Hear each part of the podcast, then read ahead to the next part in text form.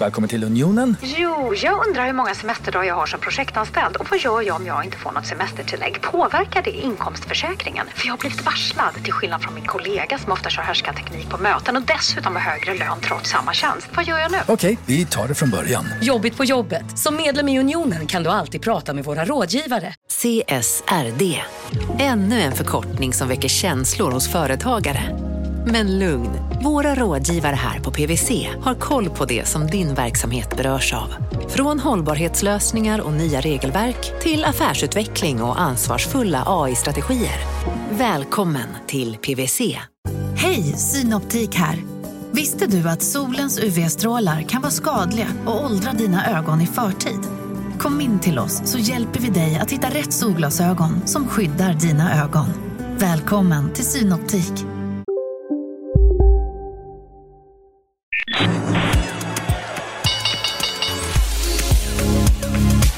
Det här är Affärsvärlden Magasin med Helene Rådstein. Hej och hjärtligt välkommen till podden Affärsvärlden Magasin. Idag har vi en väldigt intressant gäst och det är Thomas Östros och han är vice ordförande för den europeiska investeringsbanken EIB. Men för allmänheten så är Thomas Östros antagligen mest känd som långvarig socialdemokratisk politiker under Göran Perssons tid som statsminister. Men i samband med att Håkan Juholt valdes som partiordförande så åkte Thomas Östros ut från den socialdemokratiska toppen. Och nu har det gått tio år sedan han lämnade politiken för att istället bli vd för Svenska bankföreningen. Och den där övergången den väckte en hel del kritik. Men sedan dess så har Thomas Östros gjort en internationell karriär. Efter bankföreningen gick han vidare till Internationella valutafonden och sedan ett år tillbaka så är han vice ordförande för Europeiska investeringsbanken EIB. Och den här jättebanken den lånar årligen ut runt 60 miljarder euro. Eller 70 miljarder euro om man räknar in dotterbolaget EIF. Under coronaåret så var det ett rekordår för EIB.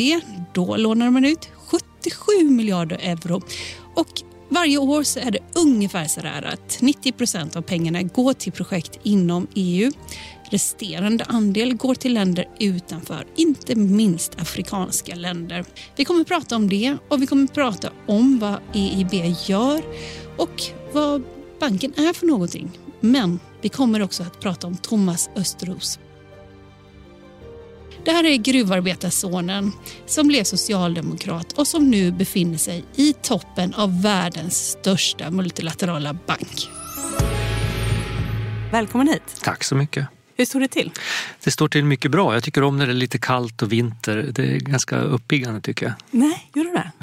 Är det för att du kommer för lite vinterlandskap? Precis, det har säkert att göra med att jag, har ju, jag är född i Gällivare. Mina föräldrar är tornedalingar uppifrån Pajala kommun i små byar där. Mm. Och eh, vinter är någonting som är rätt härligt. Aha. Fast jag föredrar ju sommaren om jag måste välja. Vad säger man? Mjänkele? Meänkieli, ja. Mjänkele. Mina föräldrar pratar finska som modersmål. Och mm. Eh, tyvärr pratar inte jag finska men jag har badat i den där språkmelodin hela mitt liv för att mm. mina, min mamma och pappa pratar finska med varandra. Mm. Eh, och faktiskt eh, när min pappa började skolan så kunde han inte ett ord svenska. Eh, utan, men då på den tiden på 30-40-talet då fick man smisk i skolan om man inte pratade svenska så att mm. det var en snabb försvenskning som skedde där. Ja, och du hette inte Östros från början vet jag. Vi hette Varampere. Mm. Eh, och eh, vi barn, vi var ju fyra pojkar och de tre äldsta av oss, vi tjatade på att byta till ett svenskt namn för vi flyttade ner till Västerås. Mm. Och vi ville uppfattas som de svenska vi tyckte att vi var och eh, vi tjatade och tjatade och till slut så kom vi överens om att byta namn till ett svenskt namn. Öst och Ros? Österos. Kommer från eh, Kungliga namn och patentverkets katalog över lediga namn. Det sista namnet i listan. Ett på Ö? ja, precis. Du, jag tänkte vi går in på din bakgrund sen alldeles strax. Men jag tror vi måste redogöra först vad EIB är för någonting. Ja. Alltså EIB är världens största multilaterala bank, alltså världens största internationella offentliga bank. Mm. Och den ägs av de 27 medlemsländerna i Europeiska unionen. Mm. Och den nämns i Romfördraget redan när EU bildas, att det ska bildas en investeringsbank där medlemmarna ska lägga in kapital. Mm. Eh, och eh, vi lånar upp pengar eh, väldigt effektivt på internationella kapitalmarknader. Vi är ratade AAA. Det innebär att vi får väldigt goda villkor. Och sen så kan vi låna ut till verksamheter, offentligt, privata verksamheter inom EU men också utanför EU. Mm.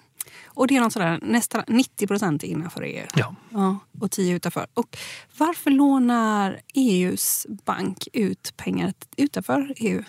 Därför att EU har ju ambitioner att vara en, en kraft också utanför EU. Förra veckan var jag i, i Rwanda och i Kenya. Mm. Och det syns väldigt tydligt att EU kan spela en väldigt stor roll. Alla vet ju att kineserna har eh, nu satsat enorma belopp, eh, inte minst i Afrika. Eh, men eh, länder vill inte bara vara beroende av Kina. De vill också se demokratiska länder, rättsstatsländer vara med och hjälpa till i utvecklingen. Och vi kan göra mycket stora saker. Förra året lånade vi ut 5 miljarder euro, 50 miljarder kronor bara i Afrika. Så att vi och det var rekord stora. va? Ja, det var rekord. Alltså, är planen att låna ut ännu mer utanför EU? Vi får se vad våra aktieägare säger men vi håller nu på med ett nytt stort steg från, som jag är väldigt involverad i. Från första januari så ska vi bilda en filial eh, som blir mera tydlig profil av en utvecklingsbank. Eh, och eh, vi hoppas också kunna få lite mer kapital att använda till att expandera utanför EU, inte minst i Afrika. När du säger ägare, då är det alltså 27 medlemsländer. Det var 28 tidigare. Ja, så det, är, det är regeringarna eh, eh, och inte minst finansdepartementen i de olika länderna mm. som, som eh, är vår styrelse och som ger oss de strategiska riktning, riktlinjerna. Mm. Mm. Och när du säger mer kapital, vad, är det också via olika regeringar man ska ja. få?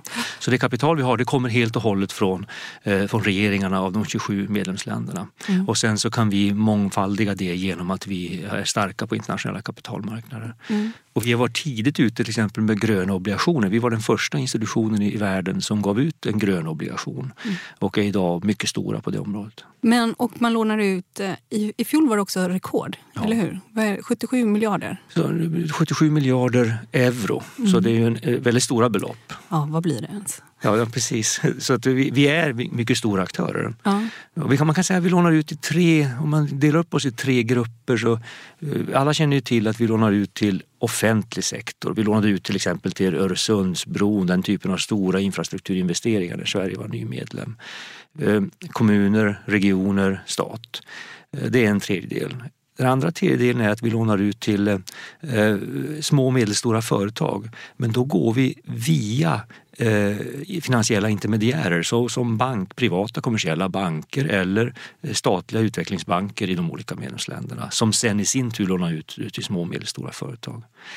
Och sen så eh, fortsätter vi att låna en tredjedel till stora industriella företag. Inte minst i Sverige. Alla de stora industriföretagen har vi haft kontakt med i decennier. Eh, lånar ut till deras eh, forskning och utvecklingsbehov till exempel. Mm. Så att, men det vi, som har hänt sista decenniet är att vi har också tack vare ett tätt samarbete med EU-kommissionen som ger oss garantier så har vi kunnat bygga upp en portfölj där vi direkt lånar ut till små och medelstora innovativa företag. Där vi kan ge vad vi kallar för venture debt, alltså vi lånar men det är väldigt likt att vi går in med ett riskkapital eh, och eh, med, tack vare garantier från kommissionen kan vi stötta eh, innovativa små europeiska företag att växa. För det finns EIB och sen finns det också EIF. Ja. De är ju lite mer inriktade på risktagande kan man säga. Exakt, och det är vårt dotterbolag. Och de är med och bygger upp en bättre fungerande europeisk kapitalmarknad. För det har ju varit vår stora svaghet i Europa jämfört med USA. Vi har inte haft en riktigt vital kapitalmarknad. Och EIF, vårt, vårt dotterbolag, spelar stor roll i och med att de investerar aldrig direkt i ett företag. Men de investerar i aktiefonder, eh, venturefonder, olika typer av tematiska fonder, får med sig andra pensionssparbolag eller andra in i de fonderna och därmed kan de fonderna investera i, i, i små och medelstora företag, också i mikroföretag. Mm. Och då, det har blivit en mycket framgångsrik och mycket uppskattad verksamhet. Om vi säger några bolag, svenska stora bolag, flera av dem är ju börsnoterade. Ja. Eh, och vi har ju Electrolux, SCA ja. Ja. Sen så har vi mindre aktörer också som Renewcell till Ja. exempel. Eh, Nu höll jag på att säga att det kommer från dina trakter men så, det är långt ifrån. Su- Sundsvall ligger det ju, från Tornedalens perspektiv är Sundsvall södra Sverige. Ja, jag vet. Och Ortviken, eh, som, Ja. eh, det ligger inte riktigt utanför, nästan utanför Ja, kan man säga, Sundsvall. Ehm, Det har man också gett lån till. Och för många av de här mindre aktörerna, till exempel Renew- Renewcell, så är det ganska viktigt att få lån från er. Ja. Eller? Så är det. Ja. Vi kan spela en roll som katalysator tror jag. Och va- varför kan vi det? Jo, det är inte bara det att vi har en väldigt stor och kraftfull balansräkning som vi kan använda oss av. Men det är också så att vi har en expertis. Vi är väldigt ovanliga på så sätt. Vi har rätt stor avdelning med ingenjörer, med medicinare, med olika typer av kompetenser som kan göra en riktig due diligence också. Är det här klimatsmart? Är det här bra för eh, utvecklingen av folkhälsa? Den typen av frågeställningar. Och i och med att vi lägger ner mycket jobb på det, då kan vi också ge en signal till andra, till privata aktörer att det här bolaget är nu genomlyst eh, utifrån de här perspektiven och då kan de följa med. Marknaden sponsras av SPP, pensionsbolaget. Eh, förra gången pratade vi lite om ITP. Och som en kort repetition så, så var det ju 70-tal, arbetsmarknadens parter bestämde att alla tjänstemän ska ha en tjänstepension. Man kom överens om vilka villkor som ska gälla i den här pensionen och så kallade man den för ITP. Så jobbar man idag som tjänsteman i ett företag med kollektivavtal, då har man förmodligen den här pensionen, ITP-pensionen. Eh, och det är ju så att man kan påverka eh, den här pensionen, hur den är placerad. Vart femte år så gör nämligen Collectum, som de heter, en enorm upphandling där olika pensionsbolag kan ansöka om att få förvalta eh, de här pensionerna. Och SPP är ett av bolagen som valdes ut i den senaste upphandlingen. Och sen kan du som pensionssparare välja eh, vilket av de här olika pensionsbolagen som, som då ska få ta hand om dina pengar. Och tanken med den här upphandlingen det är ju att liksom kvalitetssäkra de här olika alternativen eh, men också att förhandla fram stora rabatter så att pensionsspararna ska få ja, kunna spara pengar genom att avgifterna eh, som är så viktiga eh, blir eh, lägre. Och vill man välja någonting i ITP-systemet då finns det en relativt ny sajt som heter avtalat.se. Ehm, där kan man gå in och se hur sin ITP-pension är placerad. Jag gjorde det häromdagen faktiskt. Ehm, idén är att hälften av pengarna alltid ligger i något som kallas för traditionell försäkring. Det här gjorde vi ett avsnitt om i podden Kapitalet nyligen eh, som vi kallade världens bästa sparform. kan man lyssna på om man är intresserad. Eh, den andra halvan eh, den kan man också lägga i en traditionell försäkring eller så kan man placera det i något som kallas för fondförsäkring. Eh, SPP som sagt eh, var ju ett av de fåtal bolagen som valdes ut i den senaste upphandlingen och de finns med som alternativ både med en traditionell försäkring och med eh, fonder. Så det var en liten bakgrund till ITP-systemet. Vill man läsa mer om det här eller typ kolla hur ITP-pensionen är placerad, eh, kanske göra förändringar, då går man in på avtalat.se. Eh, men tack säger jag till SPP som vill göra oss människor mer medvetna om hur enormt viktig pensionen är för oss som en framtida lön, men också som en positiv kraft i samhället eh, och förstås för att ni möjliggör eh, den här podden Marknaden. Du lyssnar på Affärsvärlden Magasin med Helene Rådstein. Finns det någon eh, risk här att man konkurrerar då med kommersiella banker som också vill låna ut pengar? Det, eller det har ju funnits eh, sådana frågeställningar bland annat. Va, vad säger du om det? Jag, jag tror inte det, för att vi har ju som princip att vi nästan aldrig går över 50 procent eh, av utlåningen till ett projekt. Och vi lånar alltid ut till projekt, vi lånar inte ut till bolag i största allmänhet utan det är ett projekt som de kan visa upp som vi kan låna ut till och då går vi upp till hälften av kostnaden. Det innebär också att andra kommer med eh, som medfinansiärer. Och sen är vi ju faktiskt också viktiga i att vi bidrar till kommersiella bankers finansiering genom att eh, vi till exempel har en jättefin deal med Nordea där vi går in och garanterar en portfölj som de har vilket ger dem kapitalutrymme att i sin tur låna ut till nya små och medelstora företag och med grön koppling. Och då har vi hjälpt till att skapa det utrymmet för dem.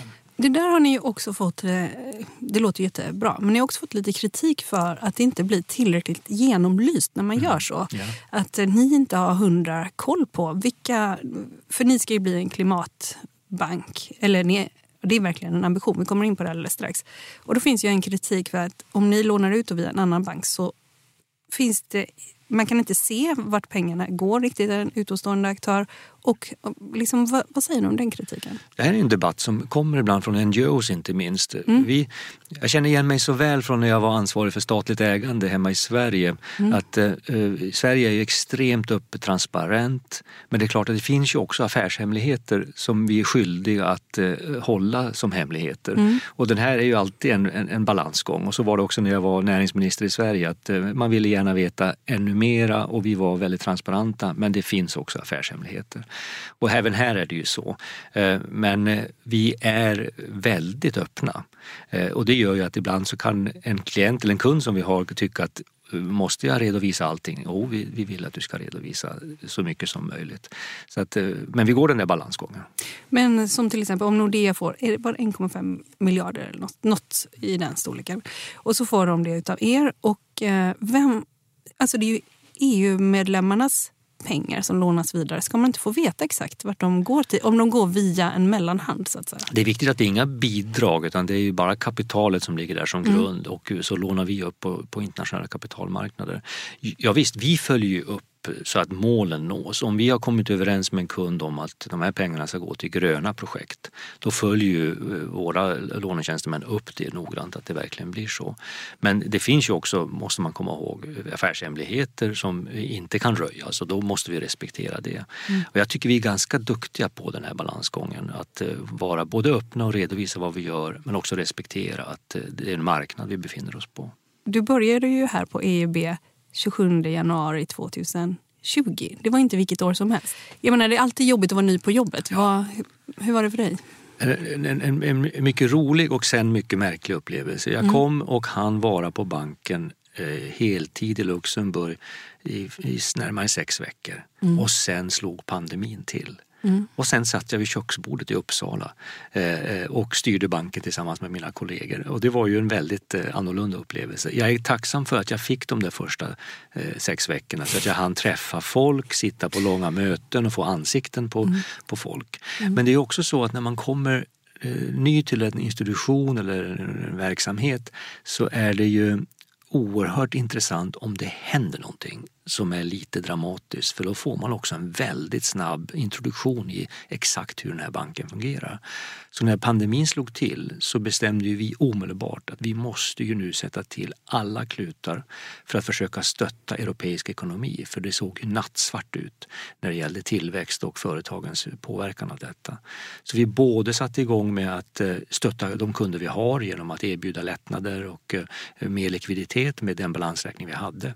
Men vi satte också igång med att få medlemsländerna att ställa upp på att skapa en stor garantifond på 25 miljarder euro mm. som vi sen kunde använda till att låna ut ganska riskfyllt till de företag som var illa ute under pandemin. Och göra det från köksbordet, det är en ganska intressant upplevelse. Det är inte optimalt, men det fungerar rätt väl. Ja. Eller, eller det får man väl se hur det har fungerat. Ja. Vissa, vissa, det, är ju hur, eh, det finns ju ett svenskt medicinteknikbolag, Irras, som också är noterat som eh, till exempel fick lån av er. Och det har ju i princip varit en börskollaps. Ja. Hur ser er riskhantering ut? Hur går ni tillväga? Vi har ju ett portföljperspektiv. Först ska man veta att när vi lånar ut till direkt till små och medelstora företag av innovativ karaktär, då har vi alltid nästan garanterade eh, av EU-kommissionen, från EU-kommissionens budget. Så vi gör inga förluster. Men vi har ju ett portföljperspektiv så att, och det ser, det ser väldigt bra ut. Det är väl klart att vi finns nu runt omkring i Europa, inte minst i norra Europa, som investerare med rätt riskfyllda lån men som har varit väldigt viktiga för det företagets utveckling. Och det är klart att det kommer en del förluster, så är det ju. Men i portföljen som helhet så har vi en, en bra utveckling och vi har stark stark kompetens på några områden.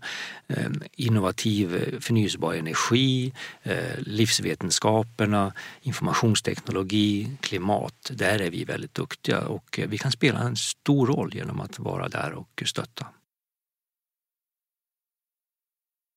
Jag har en fördom om hur det är att ansöka om lån hos er. Och jag misstänker att det är en byråkratisk mardröm. Är jag fel ute tror du? Du är inte helt fel ute.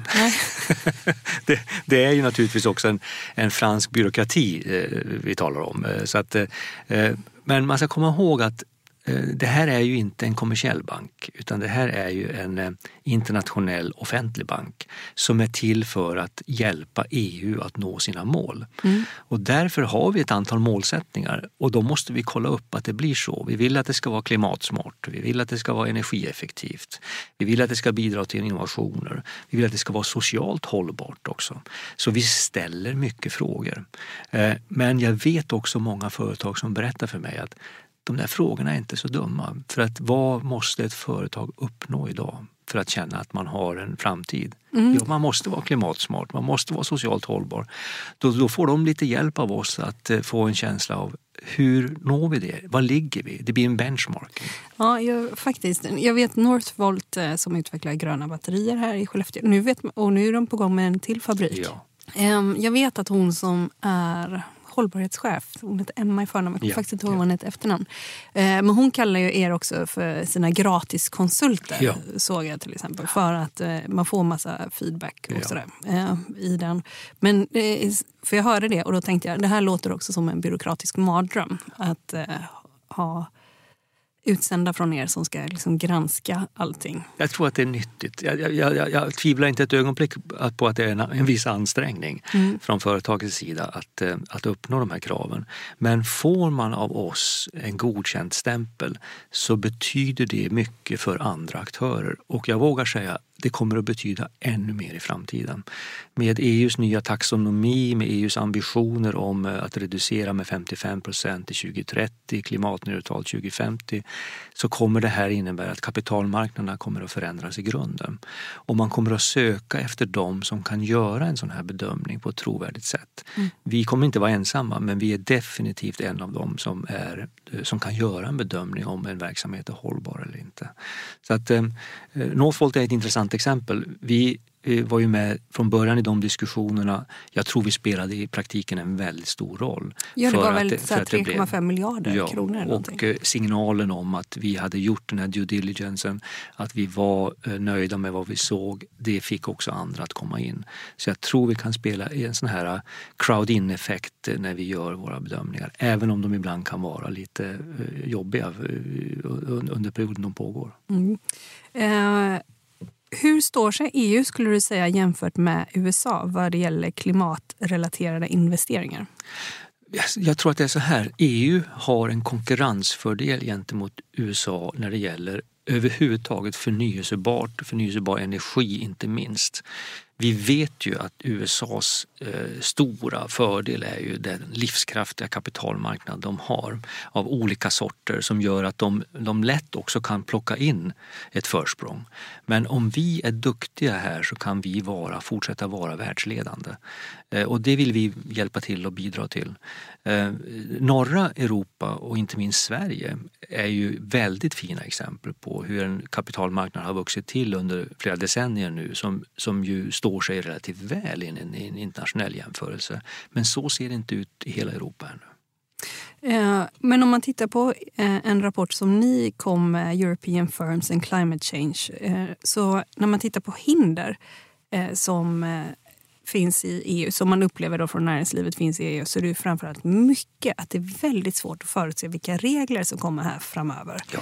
Och eh, ja, det är flera andra saker som lyfts fram till exempel. Vad, vad, säger du om det? Så är det, så är det ju absolut. Men jag tror det EU håller på att göra med alla dess brister. Och EU är ju liksom, vi är ju inte en del av EU-kommissionen, vi ägs ju av medlemsstaterna direkt. Mm. Så vi styrs inte därifrån. Men det är klart att det man nu gör väcker ju en del uppmärksamhet, inte minst taxonomin som har diskuterats mycket. Ja. Och det är ju ett lite ovanligt sätt att göra. Det, för svenskar känns det också lite ovanligt att man detaljreglerar vad som är liksom eh, hållbart och inte.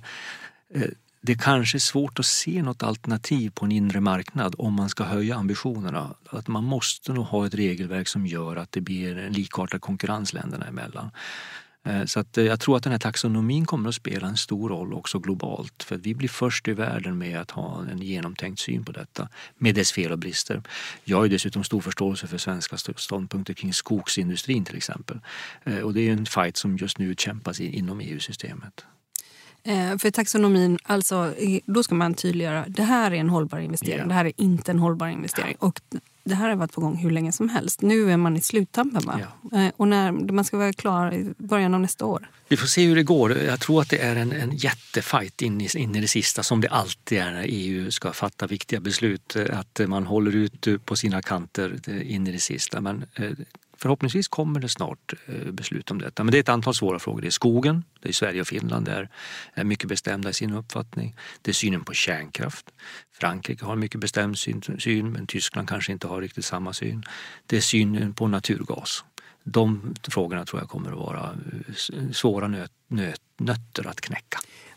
Det här är också väldigt, det är väldigt relevant för stor del av det liksom internationella kapitalet också som kommer in ja. i, liksom, i Europa och allt som finns i Europa. Och också för er ju. För ni ska ju bli en eh, klimat... Ja. Kan du berätta?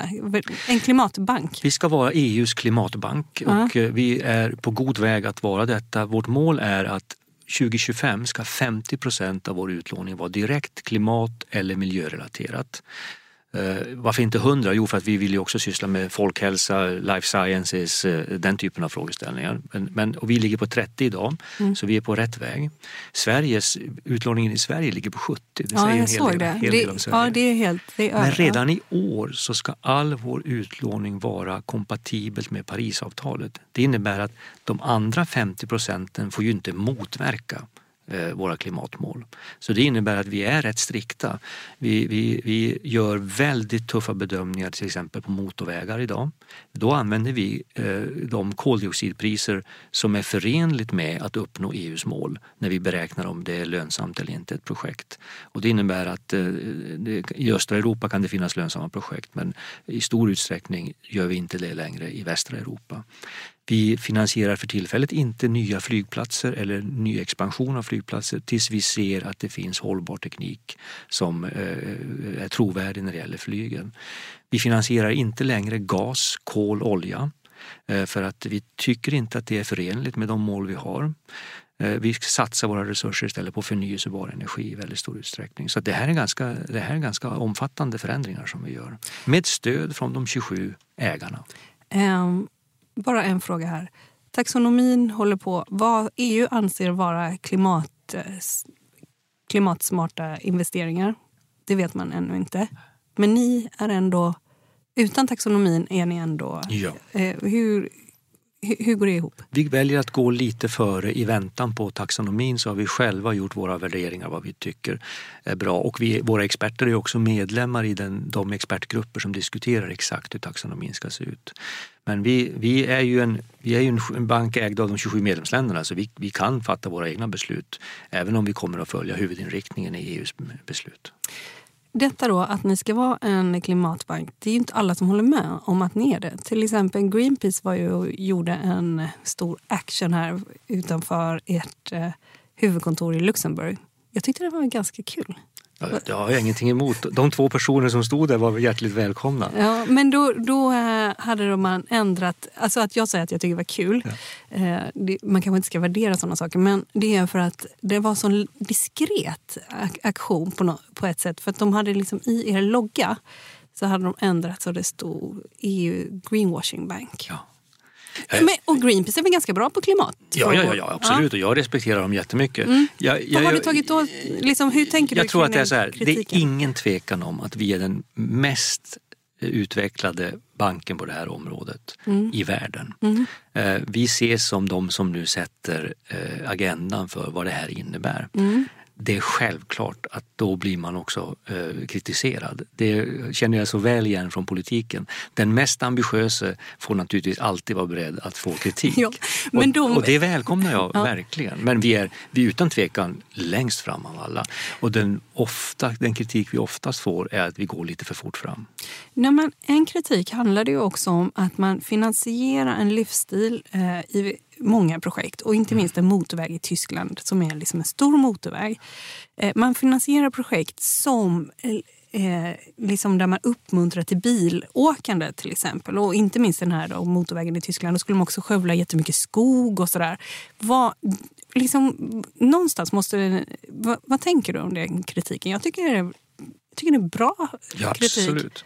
Jag tycker man ska ha debatt om sådana saker. Eh, jag, för mig har det alltid varit så här för min personliga tänkesätt att man måste kunna förena starkt miljöengagemang och att vrida skutan i rätt riktning med att också se till att vår ekonomi utvecklas och frodas. Och ser man framför sig att vi kommer att ställa om våra transporter allt mer med hjälp av förnyelsebart innehåll så kommer vi också behöva vägar i framtiden. Eh, vi är inte ännu där med transporterna men vägarna kommer att stå där i decennier.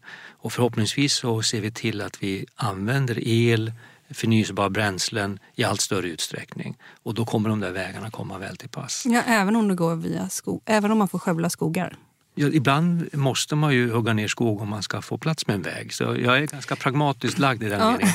Men, men, det finns också en annan grej som kan vara att vägar, på många sträckor så konkurrerar ju också vägar med tåg. Alltså du kan ju, liksom istället, du kan ju istället då bygga ut en tåglinje. Ja. Och det är därför vi nu eh, framöver gör den här tuffa kalkylen på vägar. Det vill säga att vi tar det koldioxidpris som är förenligt, alltså inte det som gäller idag, utan det som är förenligt med att komma ner med 55 procent till 2030 och koldioxidneutralt till 2050. Det innebär väldigt höga koldioxidpriser i de kalkylerna och då faller flera motorvägar bort för att det är inte lönsamt. Eh, utan det som blir lönsamt är ofta kollektiva transporter, el, elbaserade transporter och det är där vi lägger våra, våra stora pengar framöver.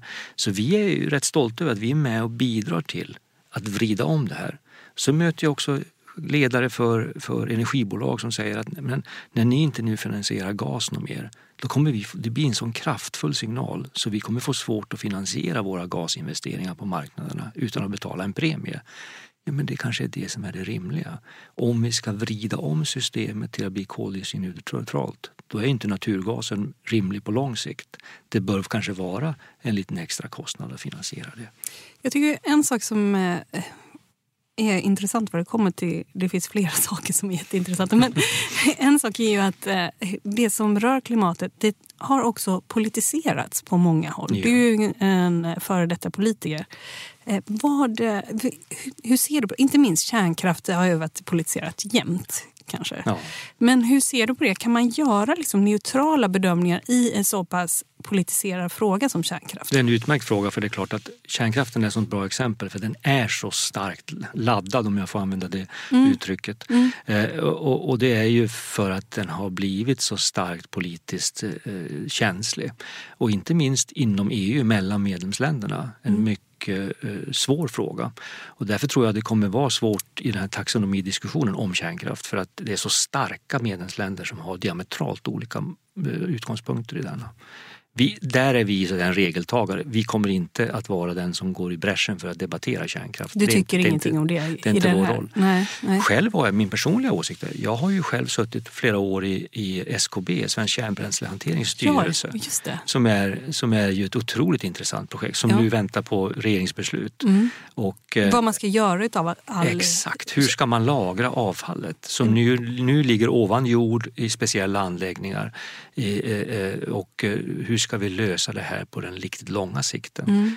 Det är något koppar. Jag har sett en modell för det. Något rör man, ja, ja, ja. Jag, jag, har en relativt positiv inställning till det med, med, med tanke på min bakgrund i, mm. i styrelsen. Mm. Eh, ett stort projekt, ett av kanske Sveriges största industriella projekt om mm. det blir av. Och mm. Det måste finnas en lösning på detta eh, avfallsproblem eh, och det här är en sån lösning. Ja, ja men jag förstår. Vad, vad, vad, skulle du säga, när man tittar på vilka som får pengar så tycker jag Italien verkar få jättemycket pengar ja, utav er. Ja. Italien får pengar hela tiden. Man kan säga att, det är lite att, orättvist mot Sverige. Sverige. Sverige får lite mer än vad vår storlek anger och, det, och varför får vi det? det? Man kan säga att Sverige har så stark ekonomi. Eh, offentliga sektorn har så stark ekonomi vilket gör att också våra institutioner, våra banker och andra eh, ses med, med, med, väldigt eh, gynnsamma ögon på kapitalmarknaderna. De finansierar sig relativt lätt till relativt låga kostnader. Både svensk privat och offentlig verksamhet.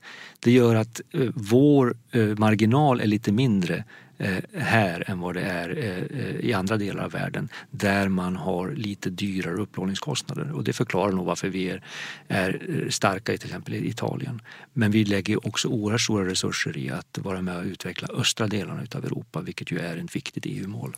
Men är, är, att det är så ojämnt, alltså jag ser också att man mäter, jag tror Italien fick kanske 12 miljarder euro eller något sånt förra året och Sverige 2, någonting liknande år efter år. Och då är det också i relation till BNP så får även där Italien mer. Och så ser vi också att vissa stater i Europa får upp mot 2 procent av BNP. Mm. Och, sådär. och Finland får ja. rätt höga, ja. höga siffror. Ja. Alltså det som vi ser i Sverige tror jag är att vi, vi blir allt mer framgångsrika på det som vi kallar för eh, lite mer riskfyllda utlåningsprojekt. Northvolt är ju ett eh, mm. lysande sådant exempel. Mm. Där, eh, där det är svårt att se en marknad som går in om det inte finns någon som är ankare där. Eh, och det tror jag gynnar Sverige. Att vi som bank också tar steg mot att gå ut lite mer på risktrappan kommer att gynna norra Europa. För att i Italien exempelvis har vi stor utlåning till italienska banker som i sin tur finansierar små och medelstora företag. Det har inte varit lika attraktivt i norra Europa. Nej, okej. Okay. Det är ju ett företag, stort svenskt industriprojekt, H2 Green Steel yeah. med bland annat riskkapitalbolaget Altos Harald Mix i spetsen. Det är ett helt gäng där ehm, som vill verka för att få fram grön stål. De har ansökt om lån hos er, men de har inte fått några pengar vi är inne i väldigt bra diskussioner med dem. Det är ett mycket kompetent, bra för vem? Det är mycket kompetent gäng eh, ja. som eh, arbetar med detta och det är ett väldigt spännande projekt. Mm. Eh, nu är ju vi inne i det som vi pratade om inledningsvis. Våra experter tittar på det här projektet från olika infallsvinklar. Mm. Hållbarhet både ekonomiskt och eh, ekologiskt, eh, klimathållbarhet. Så att eh, det här ska jag inte gå in på närmare idag för att det här är en relation som nu pågår, det vi kallar för due diligence. Så får vi se vad den resulterar i. Eh, för det som jag sa innan, min fördom här som du sa, ja, men det stämmer ganska bra, det här byråkratisk mardröm. Mm. I vissa sådana här projekt... Mardröm skulle jag inte använda, men lite byråkratiskt. men i vissa sådana här projekt så känns det också som att det börjar ju bli bråttom. Ibland blir det ju bråttom för pengarna måste fram. Hur, eh, I det här fallet verkar det ju lite så. Nej, jag, för mig ser jag inte det som eh, någon som drar några fötter efter sig. Men det här är ett komplicerat projekt. Det måste man vad är det som på, är så komplicerat? Det måste man titta på noggrant och det måste ju passa in med vad vi har för möjligheter. Och det där eh, beror ju på lite grann hur, hur kommissionens nya budget kommer att utformas, hur, exakt hur kommer deras garantier ser ut. Så att det är många pusselbitar som ska falla på plats. Men vi har, ju, vi har ju visat gång på gång på gång att vi kan vara väldigt viktiga i sådana här sammanhang. Ja, men så är, det ju, så är det ju absolut.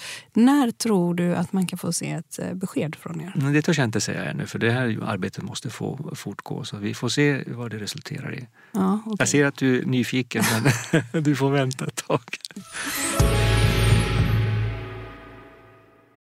Eh, marknaden sponsras av Karla. Eh, vi pratar ju en hel del om bilar här på kontoret. Eh, Karla har ju skapat, skulle jag säga, det som är standarden för hur man idag köper och säljer bilar på nätet. Kort bakgrund bara.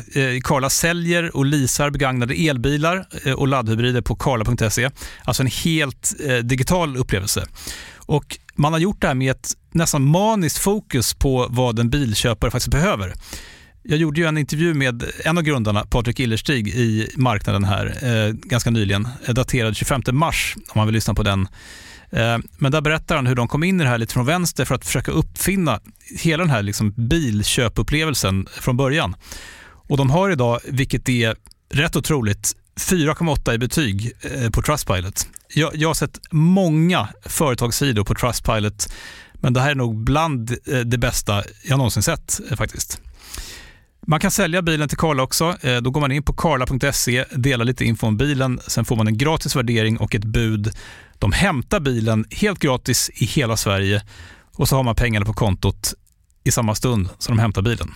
Det är grymt. Eh, så ska du köpa en ny bil eller sälja din gamla, eller båda delar för den delen, gå in på karla.se och eh, kolla. Alltså karla.se och Karla stavas med C.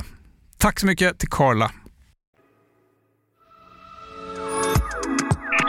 Du lyssnar på Affärsvärlden Magasin med Helene Rådstein.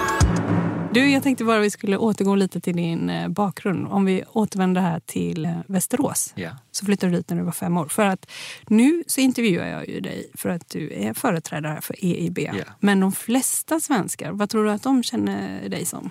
Politiker. Mm. Långvarig socialdemokratisk ja. politiker. Ja. Och din chef var länge Göran Persson. Ja. Du var i hans eh, regering. Och... Jag var i hans regering från, från dag ett till, eh, till, eh, från 1996 till 2006.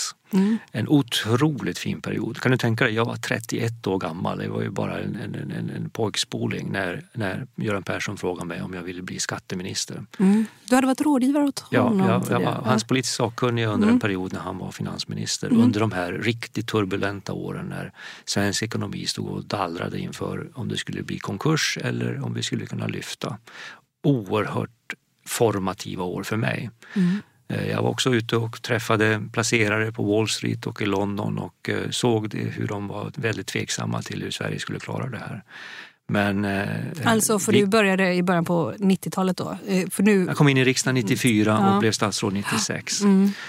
Och mellan 94 och 96 så var jag, var jag rådgivare åt, åt Göran parallellt med mitt riksdagsuppdrag. Mm. Otroligt lärorikt. Och sen under hela perioden efteråt när vi sanerade ekonomin och Sverige gick ifrån att ha varit nära kollaps till att bli Europas kanske starkaste ekonomi. Jag känner en väldig stolthet över det. Det är bland det mest meningsfulla jag har gjort i mitt liv. Och du var skatteminister, utbildningsminister, näringsminister ja. under den här tiden. Ehm, och sen, du var det i tio, tio ja, år? Ja, drygt tio år. Ja, och nu är det tio år sedan, ganska exakt sedan du slutade, eller hur? Ja. ja. Och det här när du slutade, det där, hur var det egentligen? Då kom Håkan Juholt och det har spekulerats i att du kanske egentligen skulle bli partiordförande och sådär. Eh, vad tänkte du om det, när det inte blev så? Men så här i efterhand så var det ju en slags välsignelse för att eh, jag har alltid tänkt mig att politik kan man inte hålla på med hela livet. Dels blir man ingen bra politiker. Man, man, till slut så eh, går ju cykeln runt, runt, runt och man tittar på sina egna reformer och ska göra om dem. Det är ingen bra idé. Och sen vill, man, vill jag göra någonting annat. Jag är ju nationalekonom, eh, fillis i nationalekonomi. Jag vill också se vad kan jag göra i yrkeslivet som kan vara spännande och intressant. Så med, eh, med lite tillbakablick så tycker jag det var, det var faktiskt en välsignelse. Det var, men tyckte du det där och då? Nej, inte där och då. Nej, du gjorde inte det va? Nej, Nej. Och då, då, men så får det ju gärna vara. Det är ja. klart att det, det, är sällan det blir så att man slutar med, med, med en väldig planering utan jag slutade ganska ganska abrupt. Eh, och... Ja, du fick ju rubriker som “Här fullbordas förnedringen” och så var det, ja, det var... Håkan Juholt, det var eh, Lena Melin från Aftonbladet. Ja. Det, det var ganska hårda det var nog mera, rubriker. Det var nog mera skicklig journalistik och skicklig fotografi. Jag, jag skildes ju inte på något sätt eh, med dåliga känslor för mina kollegor och de har jag fortsatt haft väldigt stark och god kontakt med. Eh, att jag inte helt kom överens med partiordförande på den tiden, det var väl kanske inte en, en överraskning. Men det var aldrig något personligt. Det var ju för att partiordförande? Jag såg att, eh, Juholt vid den ja, tidpunkten. Ja, ja. Men det var ju mer för att jag var orolig för att eh, politiken höll på att eh, ramla i diket. Mm. Och det, vad, vad, vad, var du orolig för då? Vilken typ av politik var du orolig för? Skulle för mig är ju liksom Sverige och Sveriges framtid, att få göra någonting för Sverige, det är bland det finaste man kan göra. Och då måste man ju ha en politik som är bra för Sverige. Och det var under en period där det var lite rörigt i vart, vart vi ville att Sverige skulle gå. Och det var jag lite kritisk mot. Mm. Men eh, det kom ju snabbt tillbaks på bra spår och sen har det ju faktiskt varit så att socialdemokratin har kunnat bidra väldigt starkt till Sveriges utveckling. Hur kom det, du gick ju därifrån då till Bankföreningen som ja. är en intresseorganisation för bankerna. Ja. Eh, eller lobbyorganisation om ja. man vill använda det ordet. Den övergången, du var inte ensam om att gå över så till näringslivets eh, mitt och storfinansen. Vi hade Stefan Störn, han började på Investor och vi, numera så jobbar ju din gamle chef på Swedbank eh, som styrelseordförande och eh, man gick väl till JKL precis därefter. Det var ju liksom ett gäng eh, socialdemokrater som drog in liksom i näringslivets mitt och också på ställen som kanske kan jag tänka mig för era väljare var provocerande. Va, vad tänker du om det liksom nu? Inte, jag tror inte alls att det för våra väljare är provocerande. Jag, jag, tycker nog att den här debatten som beskriver banker som någon slags ondska i samhället, det är en väldigt konstruerad debatt. Det är en amerikaniserad debatt som har förts in till Sverige. Ja. Men den är, den är absolut inte djupt förankrad. Nej. Eh, eh, det där är eh, lite grann en import som vi har tagit som jag tycker nog vi kan avsluta. Mm. Jag menar, hur ska en ekonomi kunna fungera utan banker? Mm. Jag, är, jag är ju socialdemokrat fortfarande Eh, och ja. stolt över, mycket stolt över. Mm. Men jag har alltid sett socialdemokrati som en blandning mellan marknadsekonomi och en stark offentlig sektor. Mm. Och Sverige är ett lysande exempel på hur det där kan gå i hand i hand. Jag har bott i USA i närmare fem år. Det är en annan modell. Mm. Eh, men eh, jag tycker vår modell är överlägsen. För att den är mycket mer mänsklig och den ger tillväxt. Mm. Och då spelar ju bankerna en jätteviktig roll för att det ska fungera. Vad tog du med dig då från, för du var på Bankföreningen och sen så gick du till IMF ja. och därifrån då EIB. Vad har du tagit med dig från respektive ställe? Alltså politiken till bankerna, bankerna, IMF och eh, vidare nu till EIB. Jag tycker jag har fått lära mig och eh, fått erfarenhet av personligen av hur oerhört viktig finansiella marknader är. Det ses ofta som enbart riskfyllda aktiviteter och det är klart att det finns mycket riskfyllda aktiviteter och finanskrisen var ju en väldigt stark påminnelse om hur snett det kan gå. Men å andra sidan Eh, Eh, för att få ekonomisk utveckling och tillväxt så spelar finansiella marknader en ohyggligt viktig roll. Eh, och eh, det såg jag från IMFs perspektiv där vi sysslar med makroekonomisk stabilitet, vad behöver regleras för att minska riskerna, men också insikten om att valutaflöden, kapitalflöden i världen kan vara helt avgörande för ekonomisk utveckling. Nu ser jag det väldigt konkret i form av att sitta i ledningen för världens största multilaterala bank, vad vi kan göra, inte bara i EU utan också i Afrika, i, Kenya eller Rwanda. Vi kan vara med och eh, stötta infrastruktur och entreprenörer som får en chans att bidra till ett lands ekonomiska utveckling. Eh, allt det här har jag ju vetat naturligtvis men jag får vara med och göra det här i praktiken vilket bidrar till eh, insikterna tycker jag. Och vad tänker du då? Du är ju, din pappa jobbar som jag säger bergsprängare? Ja, bergsprängare. Hur, hur... Gruvarbetare och bergsprängare. Gruvar, och din mamma var hemmafru? Ja. Och, och städerska. Var, ja, och städerska. Var, var städade hon någonstans? Städade på Konsum i stadsdelen i Västerås där vi bodde och ibland städade hon hos privatpersoner. Mm. Um, en gång när jag intervjuade en person så sa jag du har gjort en klassresa. Så sa han, finns det klasser i Sverige ens? Uh, vad skulle... Oj. vad, vad skulle du säga? Ja, det finns det. det, men, finns det. Ja. men för mig är det så att jag är ju väldigt stolt över att komma från ett arbetarhem och jag tycker det finns så oerhört fina starka värderingar i, i arbetarhemmen som jag tar med mig. Jag tycker det är roligt att kunna känna mig bekväm också i akademiska miljöer eller i finansiell sektor. Men jag är fortfarande väldigt mycket förankrad i, i, i arbetarmiljön ifrån min familj och mitt hem. Mm, är du det? Ja. Eh, och eh, nu så har vi ju en eh, ny statsminister. Ja. Det var väl en nagelbitare? Ja, men det, det, hon har fått en fantastisk start trots turbulensen. Som person tror jag vi ser någonting som händer ibland. Att folk får upp ögonen för en person och inser att det här är ju en mycket stark person och mycket duglig att leda ett land. Har ni arbetat tillsammans, du och Magdalena Andersson? Jag har känt henne i många, många år. Ja. Från när, när då?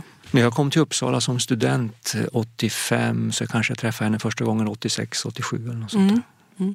Vad skulle du säga eh, är hennes största utmaning? Nu sa du ja, men det finns klasser i Sverige och liksom, de finansiella marknaderna är jätteviktiga. Och, och så där. Om du tar ditt personliga och IBs perspektiv, mm. kanske, vad är det viktigaste frågorna för henne just nu? Hon, hon har ju en väldigt stark kompetens i, i, i, både vad som får en ekonomi att fungera och vad som får ett samhälle att fungera.